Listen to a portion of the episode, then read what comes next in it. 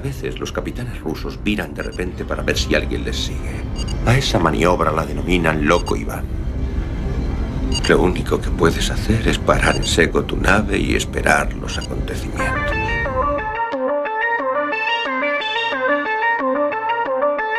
Galasphere 347 of Space Patrol calling unidentified ship.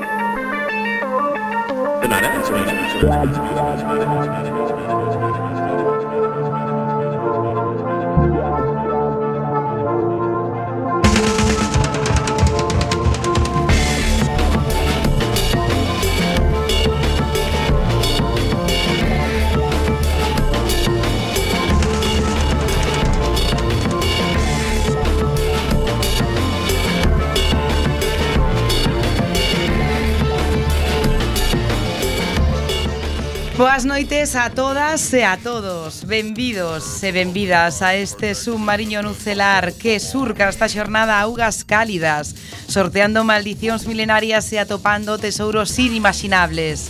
Este venres, por unha vez na vida de forma unánime Decidimos adicar a nosa hora de travesía ao voso lado a falar das mulleres nucelares que dan corda ao mundo mulleres bravas que transforman e que tiveron que enfrontarse moitas veces ao silencio das inmensidades mariñas.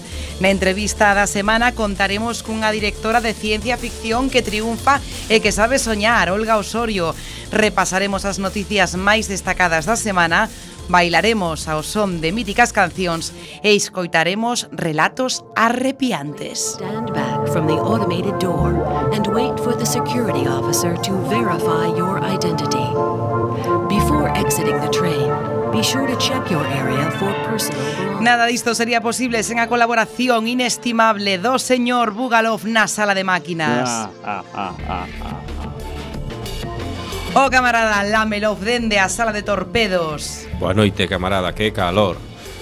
Que calor, xefe de cociña, nigromante e protagonista de musicais nas Vegas, o xefe de cociña Birnaren. Aquí cos fogóns a tope.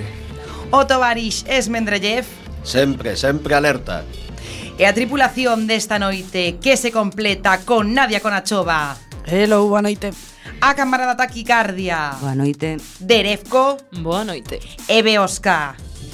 Ola, eh, hoxe estamos a tope. Isto máis que o camarote dos Marx Parece o submarino de Marx. Sauda vos a capitana esbletana Ibarruri. Isto non é o camarote dos irmáns Marx. E Loco Iván Comezamos. Música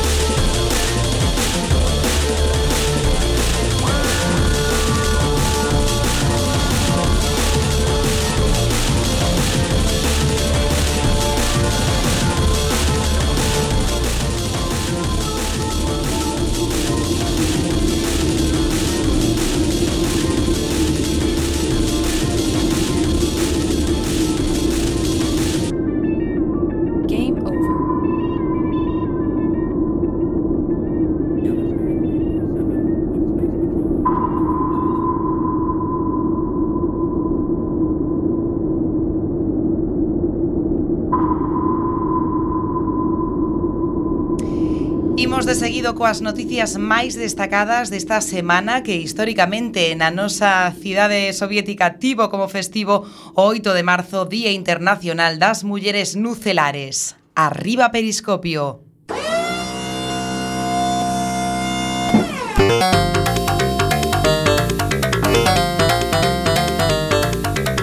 Quack FM. Loco Iván.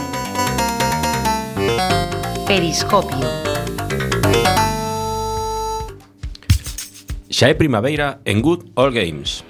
A coñecida plataforma digital GOG de venda de videoxogos adiantou a chegada da primavera para lanzar as súas ofertas ridiculamente baratas. Rematan o 12 de marzo, unha semana antes de que comece a primavera.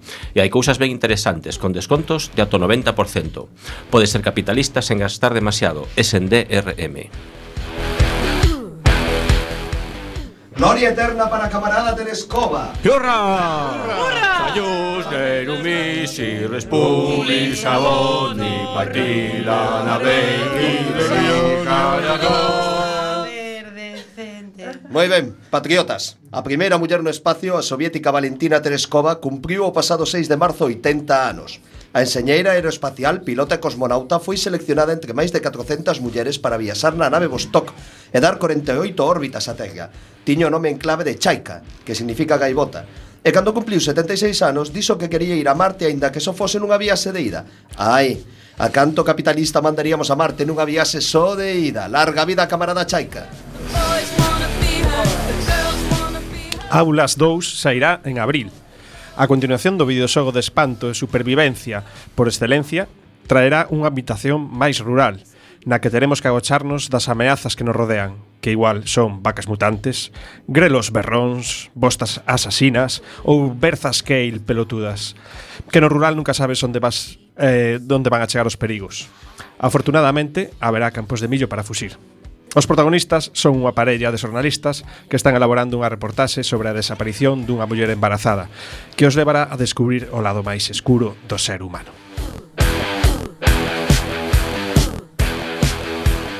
Continúa o reparto de Crytek. O capitalismo segue a facer das súas con Crytek, a empresa alemana creadora dos videoxogos Far Cry eh, crisis, que está pasando por dificultades económicas. Nesta ocasión, o seu estudio búlgaro Black Sea Games acaba de comprar o Sega para convertelo noutro estudio que, probablemente, se encargue da saga de estrategia Total War. Todas estas operacións implican despidos, xa o sabedes. Moito ánimo, camaradas! Visiones 2017 e a paradoxa de Fermi. A Asociación Española de Fantasía, Ciencia Ficción e Terror abriu a recepción de relatos para a antoloxía Visiones 2017.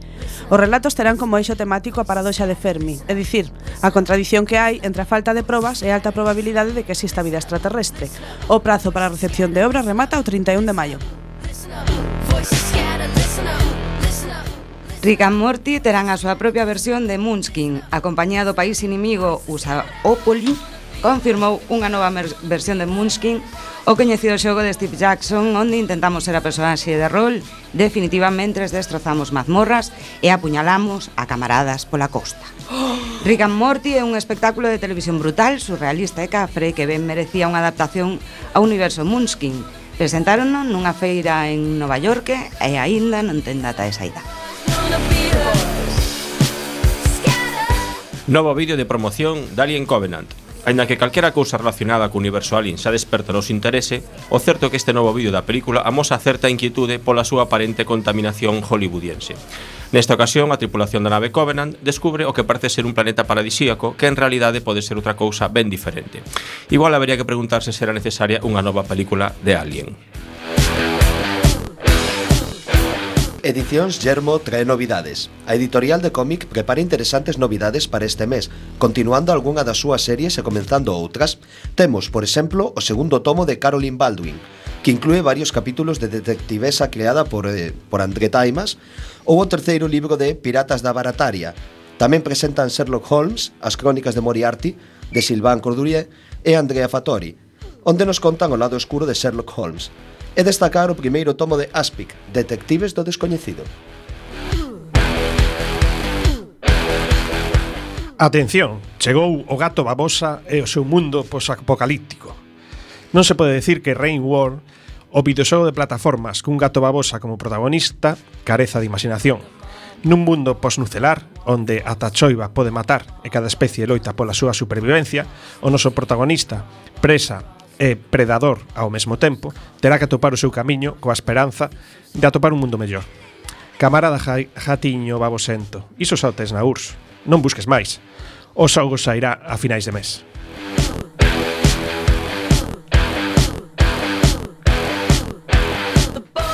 Chega Andol Horror, o terror que nunca existiu. Dave Alexander, director da revista Rumor, e Kevin Burke, realizador do documental 24x36 sobre a iconografía dos pósters de películas, xuntáronse para facer unha serie de documentais sobre a historia das películas de terror que poderían ser, pero nunca foron. Robert Barrett será o director da serie, que constará con entrevistas a eses directores e fragmentos das películas que nunca se chegaron a rodar. Din que, por exemplo, toparon unha copia de Jacaranda Joe, o desaparecido falso documental rodado por George Romero nos anos 80. Cambios no remake de System Shock. A renovada versión do clásico dos 90 de Looking Glass cambiou de motor gráfico e, e Unity, de Unity a Unreal 4 e contará coas persoas que traballaron no deseño artístico do original para traballar na adaptación dos niveis da estación Citadel. O cambio non só será estético, xa que falaron con xente de Looking Glass para preguntar sobre o que, sobre o que terían feito no ano 95 se contaran coa tecnoloxía actual. E a resposta foi abrumadora, así que tentarán incluir esas melloras na nova versión. Sairá a comezos de 2018, se Lenin quere. A nota está data 16 de xullo de 2017. Ese día sairá a nova tempada de Xogo de Tronos, que será a derradeira. Tamén fixeron un tráiler promocional que non di nada, pero é molón, ou non. A ver se polo menos na serie remata a historia, porque o que nos libros é máis probable que caia a Unión Soviética antes de que Martin remate a historia. Listen up, listen up, voices scatter, listen up, listen up, listen up, voices scatter, listen up, listen up, listen up, voices.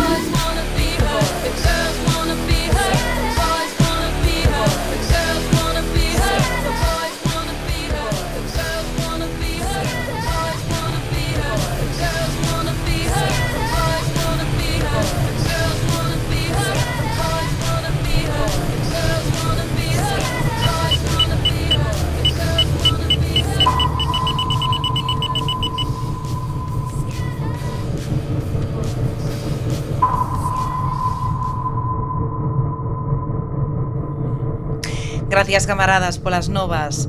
A música é moi importante na vida dunha heroína nucelar. Sen ir máis lonxe, eh, quero que o camarada Lamelov eh, faga unha especie... Non temos música de arpa, que así a de recordar, pero eh, quero que recorde aquel momento no que montamos un grupo musical eh, de vez en cando, eh, cando parábamos o submarino en Porto, eh, actuábamos en festas de verán ocorreu nese, nese gran eh, grupo de heroíñas nucelares que tivemos un pequeno conflicto eh, con Bertín Osborne nunha, nunha festa nunha festa de verán. Sí, bueno, foi unha, un pequeno intercambio de ideas e opinións civilizadas que tivemos entre os dous porque non estábamos de acordo en se o que estábamos a ler era poesía ou narrativa. Entón, derivamos nunha discusión un pouco, bueno, eh, amistosa, xa sabes. Sí, foi nas festas de verán de Odessa. Sí. Bueno, eh, vamos a ir con máis música, pero a que nos vai traer o señor Bugalov con moitos recordos musicais. Pois sí, sí, imos viaxar os anos 80 lembrades eh, ombreiras, pelo longo, barbiña de 4 días. Eu tiña pelo. Ah, Eu non nacera. Lamelof tiña pelo, al, al, hai xente por aí que se quita anos. Tamén, efectivamente. Porque, Vamos. Porque menuda desfachatez. Bueno, o caso é que eh, como como programa de hoxe está especialmente dedicado a mulleres, imos falar de mulleres dun grupo, do grupo feminino para antonomasia dos 80 de Bangles. De Bangles formouse nos Ángeles, California, no ano 81. Curiosamente non se chamaban así, se chamaban The Supersonics, The Supersonic Banks. O que pasa é que había un grupo de New Jersey que se chamaba The Banks e as ameazaron con denuncialas, entón dixeron, pois, que nos mola? Os Beatles, pois The Bangles. Girls O sea, este xogos de palabras e un pouco un pouco así cousa rara. Eh, os as integrantes da formación orixinal do, original do grupo eh, foron Susana Hoffs, que estivo todo o tempo, eh, as, as irmás Debbie e Vicky mm, Peterson, que tamén estiveron todo o tempo. A primeira baixista foi Annette Zilinskas, pero pronto foi eh, cambiada por eh, Michelle Steele, que non tenía nada que nada de particular cambiar unha baixista por outra se non fose porque esta esta muller viña dun grupo que tamén vos ahora uh, porque sodes todos super aficionados á música norteamericana decadente capitalista que se chamaba The Runaways que tamén ten película. Uh, que ese sí que é o primeiro grupo seguramente feminino como roqueiro punk roqueiro uh, que acadou un éxito de masas. Bueno, non vou aburrir pero resulta que no ano 86 eh, The Bangles foi eh, tivo o segundo LP máis vendido nos Estados Unidos. E eh, estivo oh, catro semanas en lista entre eh, número un da lista eh, de singles eh, que só foi superado no ano 87 por, bueno, non só foi superado foi igualado no ano 87 por Bon Jovi, que non está Ai. mal. Claro, bon Jovi. Eu xa sabía que, que eran as palabras máxicas. Eh, Como a, a, anécdota para, para pechar resulta que co seu prim, o seu primeiro a súa primeira primeira grabación que foi un maxi single vos lembrades daquela maxi singles bueno eh, algunos din que non. no. nacéramos lembra outro camarada. outro que minte. Eh, resulta Pero, que vamos, minte este minte bastante eh, eh pois pues, resulta que chamou a atención de Prince eh, pediulles compoñer un tema para o seu primeiro longa duración que foi o Manic Monday que non é o que imos poñer eso por fastidiar.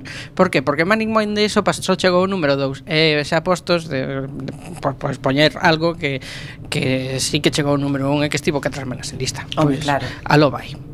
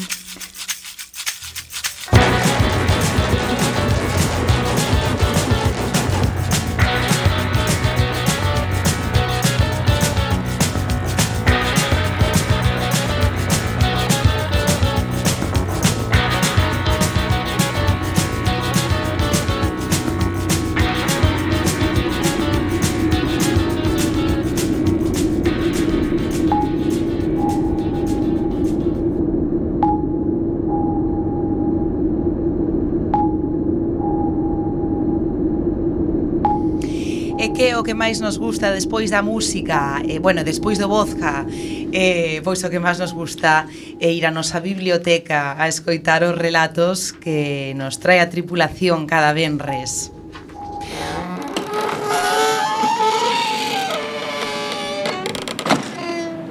La meloza ille que botar un pouco de, non sei, algo esta porta, eh, porque Un pouco de polonio. Sí, polonio enriquecido hai que botarlle, que isto va logo como la seda. Eh, imos hoxe co autora estadounidense Lois McMaster eh, Bayol, se non o pronunciei ben, por favor, Esmendrellev, eh, aclare, pero esta muller escribiu a serie de Miles Borkogisa, a saga de novelas curtas de ciencia ficción que conta efectivamente con Miles Borkogisigan como principal protagonista. É un aristócrata do planeta Barrayar con certas deformacións físicas, pero con gran intelixencia. Eh, na súa obra, basicamente unha space opera, podemos destacar a recreación de diferentes tipos de sociedades que oscilan entre a fascista barrallar e a absolutamente liberal a colonia beta. O fragmento de hoxe é da novela curta Labirinto, que forma parte da recopilación Fronteiras do Infinito, formada por tres títulos, As montañas da aflicción, Labirinto e Fronteiras do Infinito. Imos aló.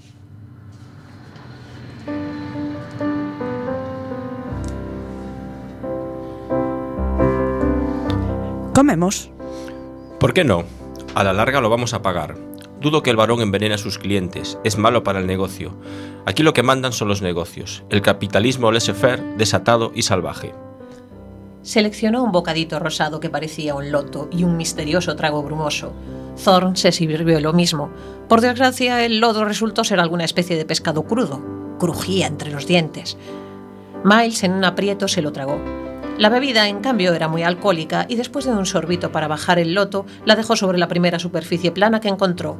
Su cuerpo enano se negaba a tolerar el alcohol y él no tenía ningún deseo de encontrarse con el barón Fell en estado semicomatoso o riéndose sin control. Thorn, más afortunado metabólicamente, retuvo la copa en su mano. Una música extraordinaria empezó a sonar en alguna parte, una rica complejidad de armónicos cada vez más veloz. Miles no podía identificar el instrumento, o más bien instrumentos. Thorn y él intercambiaron una mirada y por acuerdo mutuo se acercaron lentamente al sonido. Encontraron al ejecutante cerca de una escalera en espiral contra el espectáculo de la estación, el planeta y las estrellas. Los ojos de Miles se abrieron de par en par con asombro. Los cirujanos de la casa Rioval han ido demasiado lejos esta vez. Pequeñas lucecitas de colores decorativas definían el campo esférico de una gran burbuja de vacío. Flotando en su interior había una mujer. Sus brazos de marfil brillaban sobre su ropa de seda verde mientras tocaba. Los cuatro brazos de marfil. Llevaba una chaqueta floreada, parecida a un kimono, y pantalones cortos a juego, de los que emergía el segundo par de brazos, donde debería haber estado las piernas. La mujer llevaba el cabello corto, suave y negro como el ébano. En ese momento tenía los ojos cerrados y su rostro rosado expresaba la paz de un ángel alto, distante y terrorífico. Su extraño instrumento estaba fijo en el aire frente a ella, un marco estrecho de madera ilustrada, atado arriba y abajo con un extraño conjunto de alambres brillantes y placas de madera entre los dos extremos. Ella tocaba los alambres con cuatro martillos forrados de terciopelo y lo hacía a una velocidad increíble, por los dos lados al mismo tiempo. Movía las manos superiores en contrapunto con las inferiores. La música surgía de la burbuja como una cascada.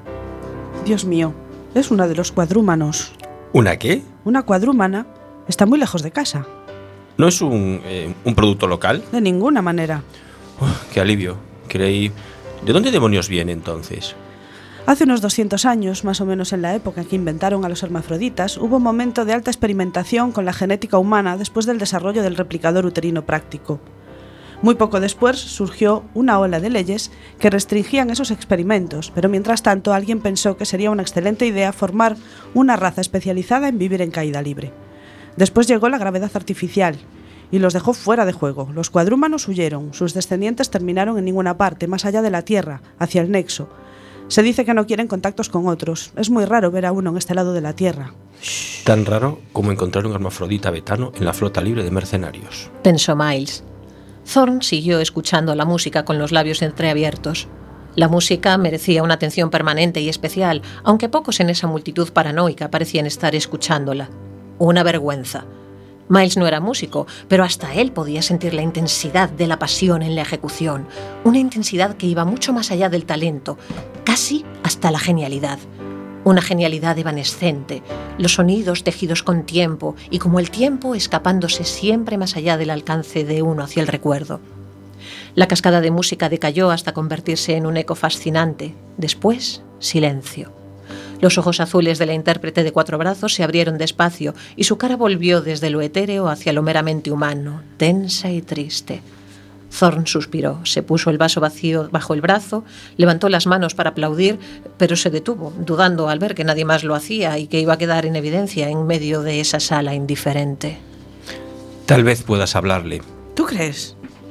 Thorn, resplandeciente de alegría, avanzó, dejó el vaso en el suelo y levantó las manos hacia la burbuja brillante. Solo pudo sonreír y soltar un... "Eh". Su pecho bajaba y subía. Dios mío, tú sin palabras. Nunca pensé que vería algo así. Pregúntale cómo se llama ese instrumento que toca. La mujer de cuatro brazos inclinó la cabeza con curiosidad y nadó como en el vacío, con gracia, por encima de su instrumento para flotar frente a Thorn al otro lado de la barrera brillante. ¿Sí? ¿Cómo se llama ese extraordinario instrumento? Es un dulcimer de dos lados a martillo, madame, señor. Esto oficial. Capitán Bell Thorne, comandante del crucero rápido Ariel. A su servicio. ¿Cómo llegó usted hasta aquí? Había ido a la Tierra, buscaba empleo y el barón Fell me contrató. La mujer inclinó la cabeza como si estuviera evitando algún tipo de crítica, aunque Bell no la criticó. Es usted una cuadrúmana, ¿verdad? ¿Sabe usted algo de los míos? La mayoría de la gente que viene cree que soy una malformación fabricada artificial. Soy betano y siempre quise informarme sobre la historia de la explosión genética temprana. Es más que un simple interés personal. Eh, soy un hermafrodita betano, ¿entiende? Y esperó ansioso la reacción de ella. Miles se alejó un poco de forma imperceptible, frotándose los labios para ocultar una sonrisa reprimida a medias, mientras toda la gestualidad masculina de Thorn se instalaba de nuevo en su cuerpo, desde la columna a las puntas de los dedos, y luego más allá todavía, en el aire que lo rodeaba. La cabeza de ella se inclinó, interesada. Una mano se levantó para posarse sobre la barrera brillante, no muy lejos de la de Bell. ¿En serio? ¿Entonces usted también viene de la misma época? Sí, y dígame, ¿cómo se llama? Nicole. ¿Nicole? ¿Nada más? Bueno, es bonito, pero... No usamos apellidos. Ah, ¿y qué piensa hacer después de la fiesta? En ese momento, por desgracia, hubo una interferencia inevitable. Firmes, capitán. Thorn se enderezó al instante, frío y correcto, y siguió la mirada de Miles. La cuadrúmana flotó de nuevo, lejándose de la barrera de fuerza, e inclinó la cabeza sobre las manos que había unido palma con palma, como saludando al hombre que se aproximaba. Miles también adoptó una postura que podía interpretarse como una atención militar respetuosa. Georis Stauber, el barón Fell, era sorprendentemente viejo para haber alcanzado su posición hacía tan poco tiempo, pensó Miles. En persona parecía más viejo que en la imagen de Olovidio que había visto en el informe de su misión.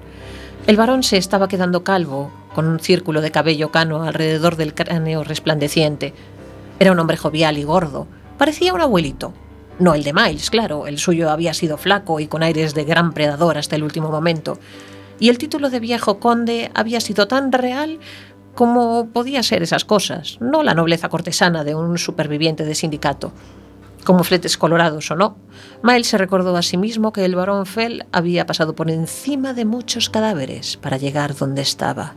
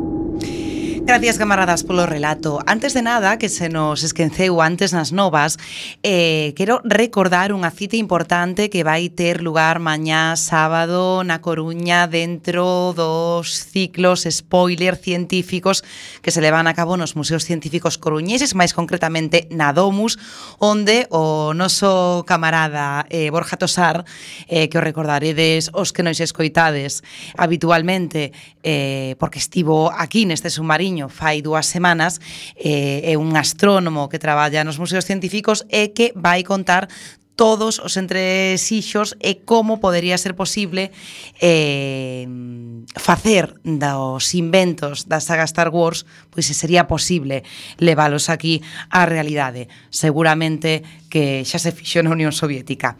Pero despois deste apunte, recorden, mañá mm, sábado 11, sábado día 11 ás 5 e media, verdade, Erezco, que o sabe de memoria? Sí, ás 11, ás, perdón, mañá sábado eh, 11. bueno, da igual, has fallado, da igual. Auditoría da Domus.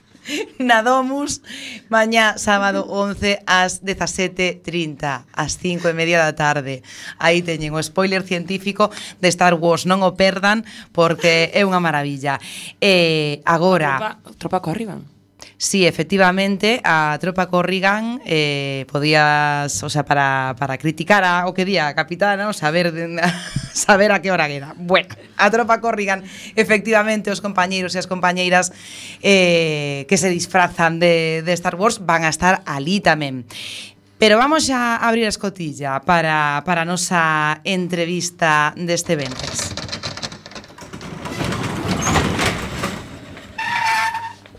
Nesta xornada dedicada ás mulleres nucelares, deixamos pasar a unha auténtica heroína das que falábamos ao principio, das que dan corda aos reloxos que moven o mundo. Trátase de Olga Osorio, cineasta, productora, docente, eh, directora intrépida, coñecedora dos buratos de gusano. Olga, moi boas noites. Hola, boa noite. Bueno, o seu currículum está marcado de algunha forma pola, pola ciencia ficción.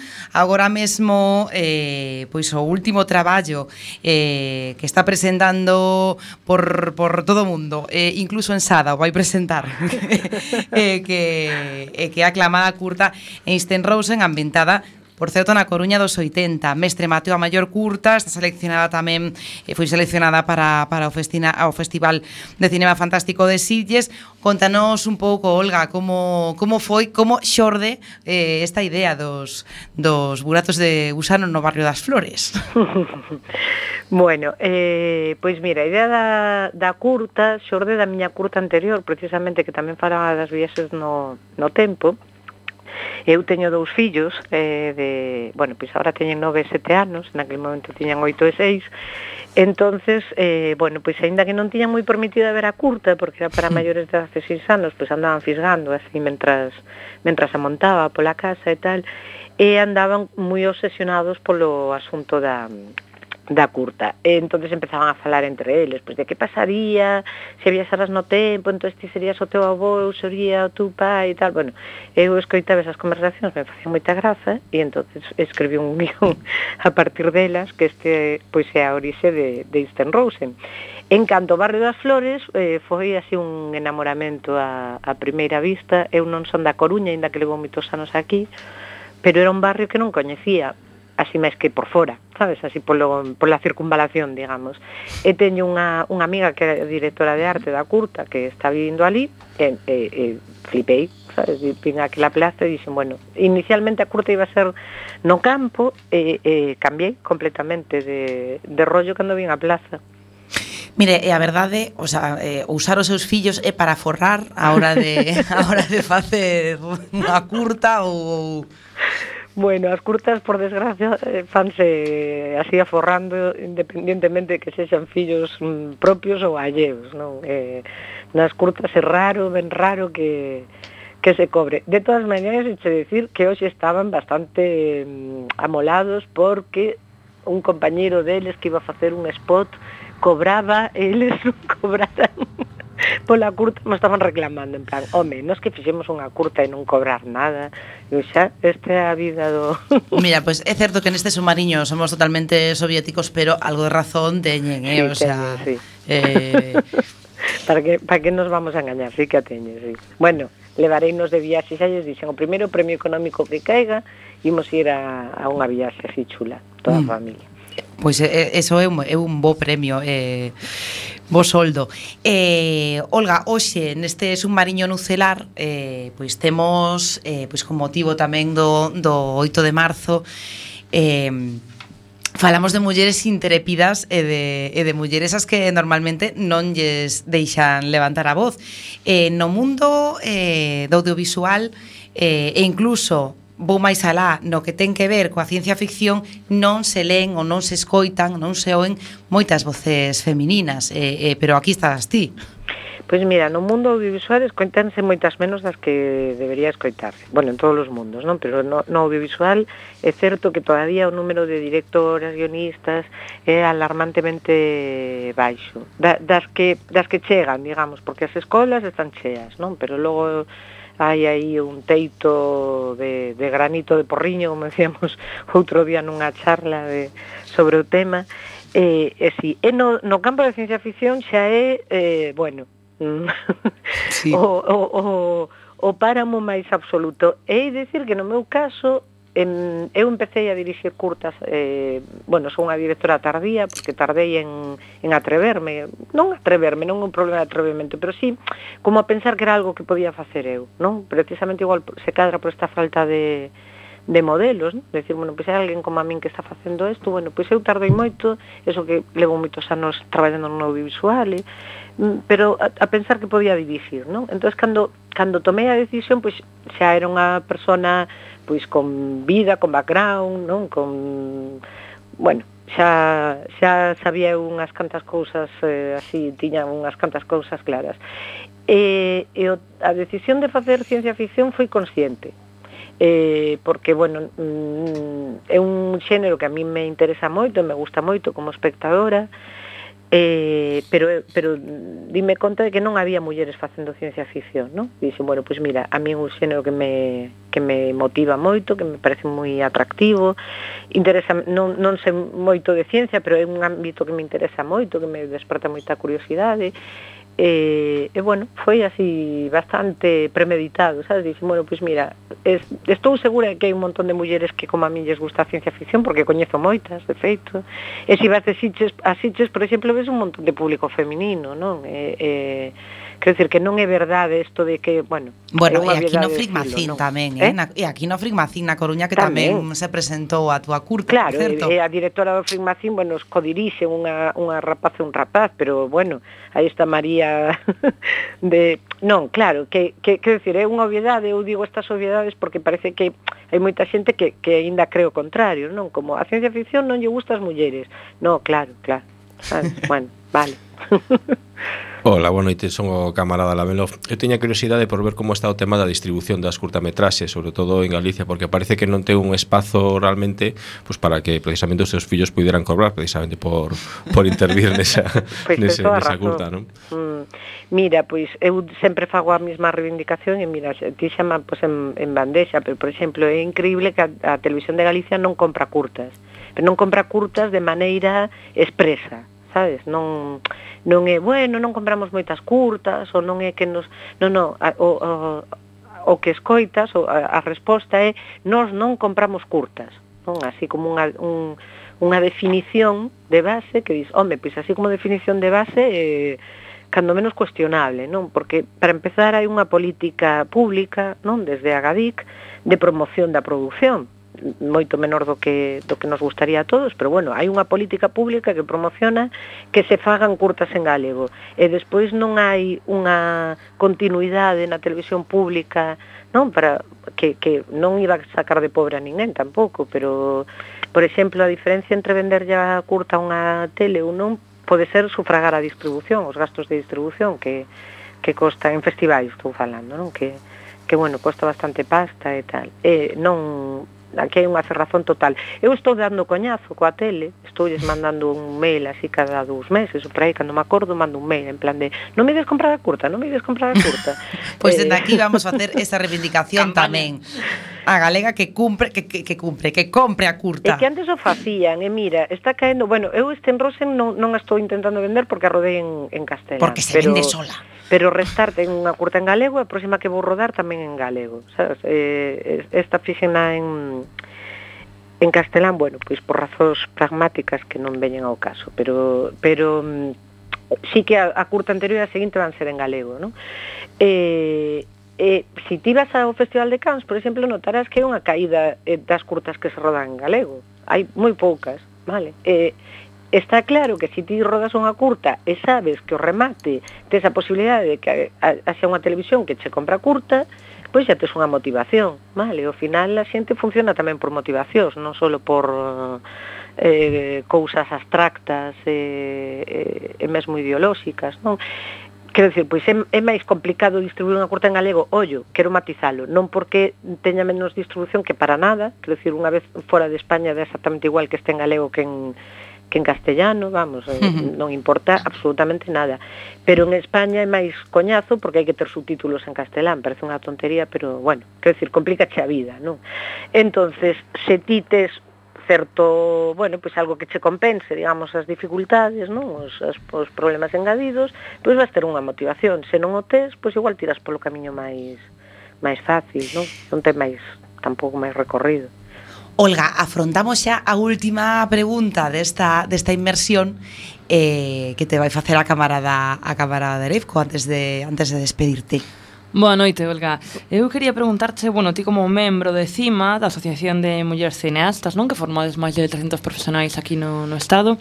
Eh, bueno, quería saber, porque outro día estaba lendo unha, unha entrevista de, na que falaba outra compañeira, non? Chelo Loureiro, tamén gañadora dun, dun mestre Mateo este ano, no que falaba que era realmente asusta, que realmente asustaba, non? A cifra de mulleres que realizaban películas, que eran eh, case un, son un 7%. Uh -huh. Entón, eh, precisamente na gala dos Mestre Mateos reivindicouse moito a figura da muller tanto na produción, realización, a súa visibilización no, no cinema non sei eh, que medidas ou que, que propostas tedes dende cima ou, ou ti mesma, Olga, eh, bueno, pois precisamente para cadar eh, unha maior visibilidade da, da muller no mundo do cinema. Bueno, isto é como que che decía da, da compra das curtas pola tele, quero dicir, se hai eh, un apoio desde todos os estamentos institucionais e públicos máis ou menos relacionados co, co asunto, ao final esas medidas teñen resultados. Non? Nos países nórdicos o número de directoras agora mesmo está no 50%, e, e non estaba así aí non sei exactamente cantos anos, pero quero decir, hai unha, unha serie de políticas públicas que promoveron a presencia das mulleres, vale? pois dando máis facilidades, dando máis subvencións ou, promo, ou apoiando máis os produtos que contraten a unha muller directora, isto traduciuse na práctica pois, que o número de directoras aumentou, non? Porque é certo, é ben certo, que hai unha, unha serie de obstáculos, tanto de tipo cultural como, como de índole puramente pragmática, pois que fan pois o, o, o que vos decía, eu son profe de audiovisual tamén, eu teño mm, dependendo do ano, ás veces máis alumnas que alumnos, non? E agora da verdade, pois ao final dos meus ex-alumnos hai moitos máis rapaces que rapazas eh, dirixindo ou, ou escribindo guións, que tamén é moi, moi importante isto para a sociedade, non falo para o sector, sino para a sociedade, quen conta as historias, non? Entón, eu entendo que pois, eh, a, a, todas as, as medidas de promoción que tendan a bueno, pois a paliar esta esta diferencia de partida, pois son imprescindibles neste momento, claro que sí. Olga, pois moitísimas gracias por, por esta entrevista, por baixar aquí o submarino esta noite. Eh, a próxima proxección, que o dicía antes, porque eu son de Sada e non o dicía de, de broma, a próxima proxección vai ser en Sada, verdad? Bueno, a próxima proxección próxima. Bueno, porque... próxima, a claro, próxima, próxima proxección. Claro, non, porque andamos por... Este mes temos un montón de proxeccións precisamente polo día da, da, da muller traballadora, pois pues estamos en, con Corto España un montón de sitios, e bueno, temos un montón de, de pases, estuvimos en, en Nueva York a semana pasada e tal, pero efectivamente por aquí cerca eh, estamos a finais de mes, o día 25 en Sada a partir das 8 8 e cuarto, me parece que empezan os, os pases. Eh, creo que se chama Sadametraxe.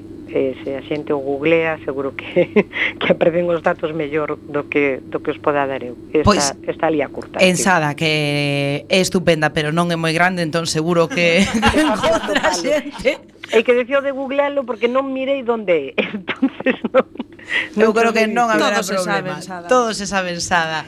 Sí. Eh, Olga, moitísimas gracias. Saúdos de toda a tripulación eh, que nos veñas visitar pois cando queiras. Moi ben, gracias a vos.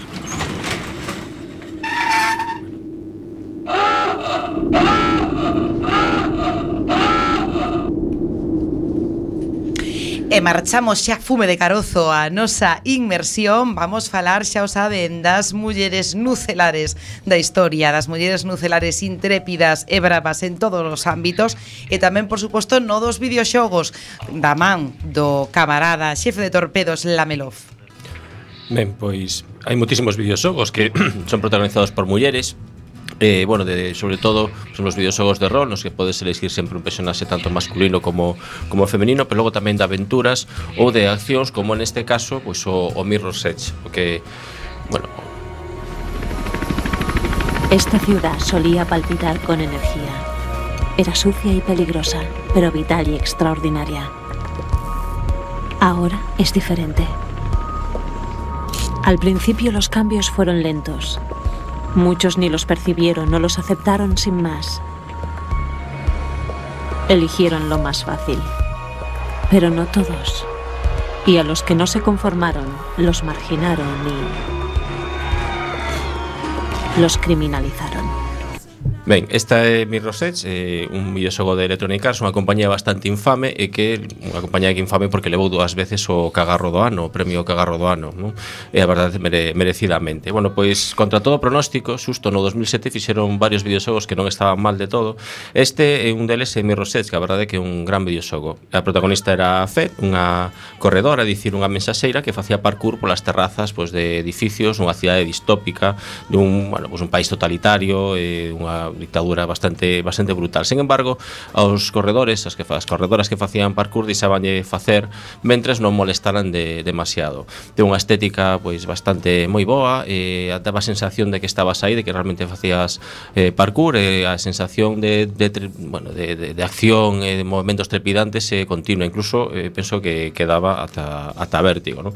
É moi recomendable, non así a segunda parte que a segunda parte sí que falla honra ao cagarro de ouro de, de Electronic Arts.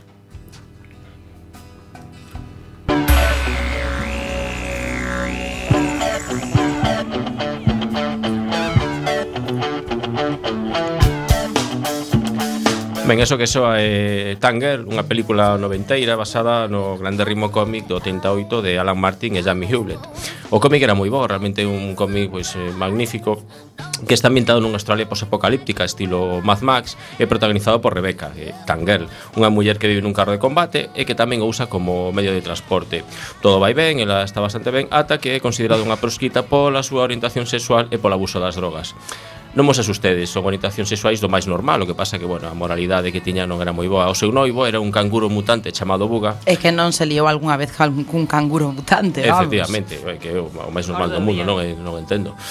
Bueno, cómic e punk, nihilista, surrealista e con bastante humor absurdo. Fixeron unha película inspirada no cómic e foi dirixida por Raquel Talalay e protagonizada por Lori Petty no papel de Tangel e Naomi Watts dando vida a Jet Girl. Contaba tamén con actores siderais como Malcolm McDowell, músicos como Ice-T ou Iggy Pop.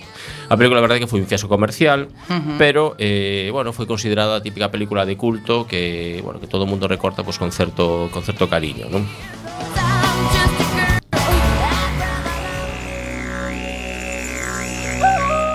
Ben, e por último falar por de Beyond Good and Evil, que é un videoxogo italo-francés da compañía francesa Ubisoft, que tamén é coñecida curiosamente por Ubisoft, eh, esta compañía, e creo que facía competencia con Electronic Arts por ver quen facía os cagarros máis importantes do ano. Sen embargo, con Beyond Good and Evil, pois eh, digamos que o fixeron bastante ben porque é un gran un gran xogo de aventuras no que a protagonista eh, Jade, eh, bueno, que vive co seu tío que é un porco mutante con aspecto semi-humán, pois se ven involucrada nunha especie de historia con extraterrestres, no que consigue pois eh, salvar a un grupo de, de rapazada que eh, bueno, pois que, que se ven metidas nunha aventura pois eh, de acción, de investigación e de exploración, na que realmente pois o contido é bastante, bueno, bastante sorprendente.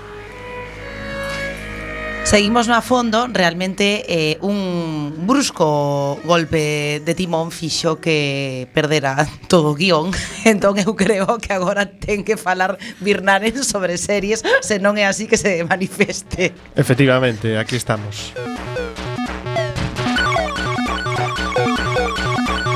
Que música tan reconfortante. Eh, Supoño que todo o mundo a recoñecería que é a música do mítico Saboteur 2, non? Ai, sí. Efectivamente. Eh, o Saboteur é un xogo de mil, de 1985 onde, bueno, pois pues, anteriormente estaba toda, toda a tripulación aí xogando coas pero. Pero non era que ti non naceras nos 80. no, pero, era, eu, pero leíno na Wikipedia. Era derezco. En todo caso, eh, o primeiro recordo que teño dun xogo no que pois que protagoniza unha muller, o Saboteur 2, non? No que, bueno, ademais unha muller non estere, Pizada Blain eh, Birnaren, non, non era así a frase Blain Era unha muller agromenauer. Gromen Nagüer Para escotilla por fora vale, Bueno, o saborteiro está moi ben E como non hai moito tempo Seguimos coa seguinte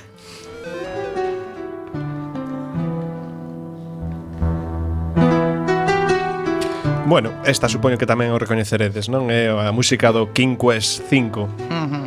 Eh, efectivamente, Roberta Hewer Williams foi unha programadora recoñecida polo seu pioneiro traballo no campo das aventuras gráficas. De feito, eh, bueno, pois os King Quest foron os que inauguraron eh, este elemento, digamos que este estilo de xogos que se chaman aventuras gráficas, non? Antes había pois as aventuras conversacionais que tamén esco escoitaríades. E, eh, bueno, en este caso as aventuras eh, eh, gráficas, non? No que en un entorno tridimensional pois se desenrolaba toda a aventura, se pseudo tridimensional.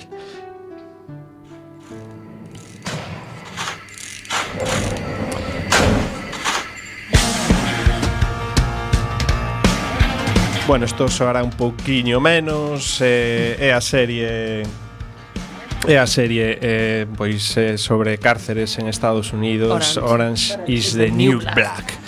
Eh, bueno, esta é unha serie pois bastante mítica e coñecida, tamén coñecen aquí pois as, as nosas camaradas, no? que tamén poderán decir. Eh, bueno, eh, todas eh, os protagonistas, o 95% pois son son mulleres É unha serie que comezou sendo pois light, cun certo toque naíz, con, bueno, un certo estilo así pois máis branco, non? E que acabou pois pouco a pouco oscurecéndose hasta eh, hasta eh, o laranxa que é o color agora de Estados Unidos e todas negras. sí, hasta hasta o black, non?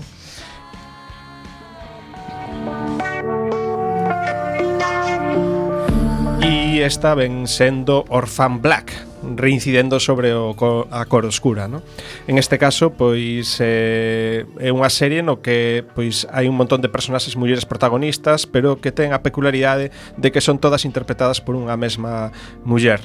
Tatiana eh, Maslani, que ten un traballo actoral brutal, non? Que que fai pois as eh, em, pois a Sarah Manning, que é pois a gótica Orfa, eh, Alison Hendricks, eh, Cosima Niehaus, eh, Elena, en realidade, pois a serie vai eh, de clones e son clones con personalidades completamente diferentes, incluso eh, nacionalidades diferentes, porque vos as van espallando dif por diferentes lugares do mundo, non? Ah, hai unha que é asasina ucraniana.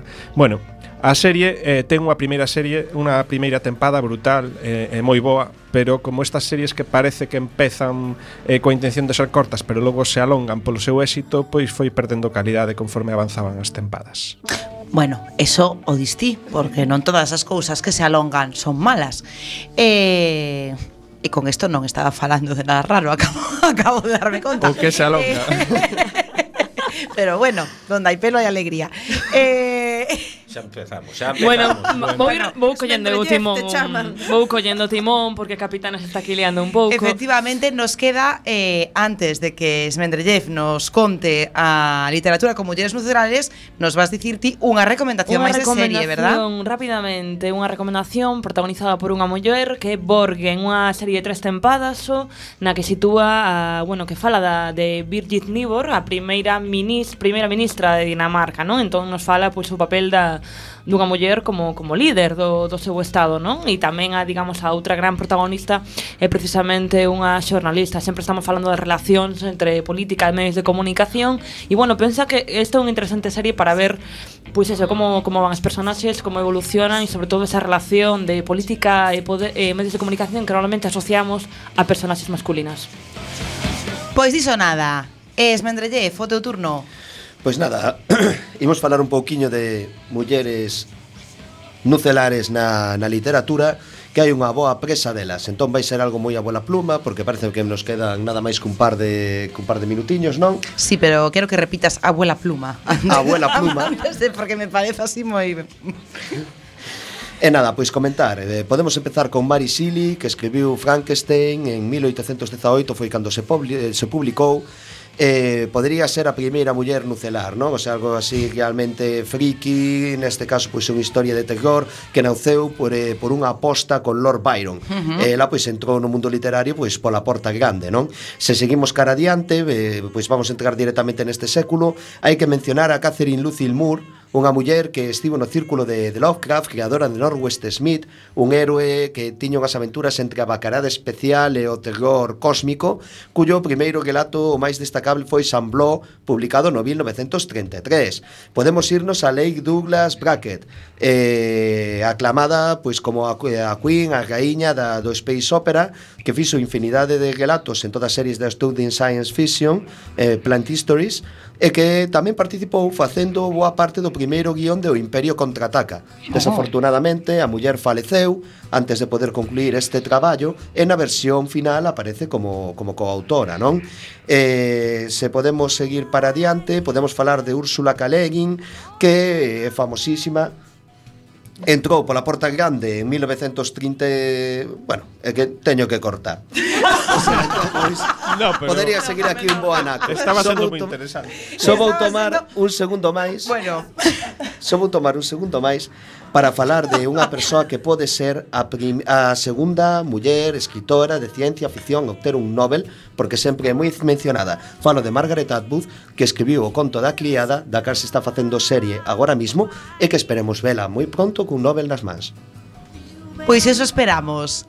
Eh, Nadia Cornachova, algo que dicir. Eh, queríamos que acabaras como Iker Jiménez, así con, con tres minutos, así música, pero no, desde eh, dous segundos. Quedei con ganas de falar de Transparent, da serie Transparent, protagonizada por un, bueno, por, por unha familia eh, con identidades sexuais moi diversas e, e, e collo pai, en realidade, é unha nai trans que con 60 anos sai do armario coa súa familia e é fantástico. E iso tamén pasa nas Kardashian. Eh... certo? Porque nunca falamos das cousas das que fala a xente. Eh, bueno, e cando son as... Bueno,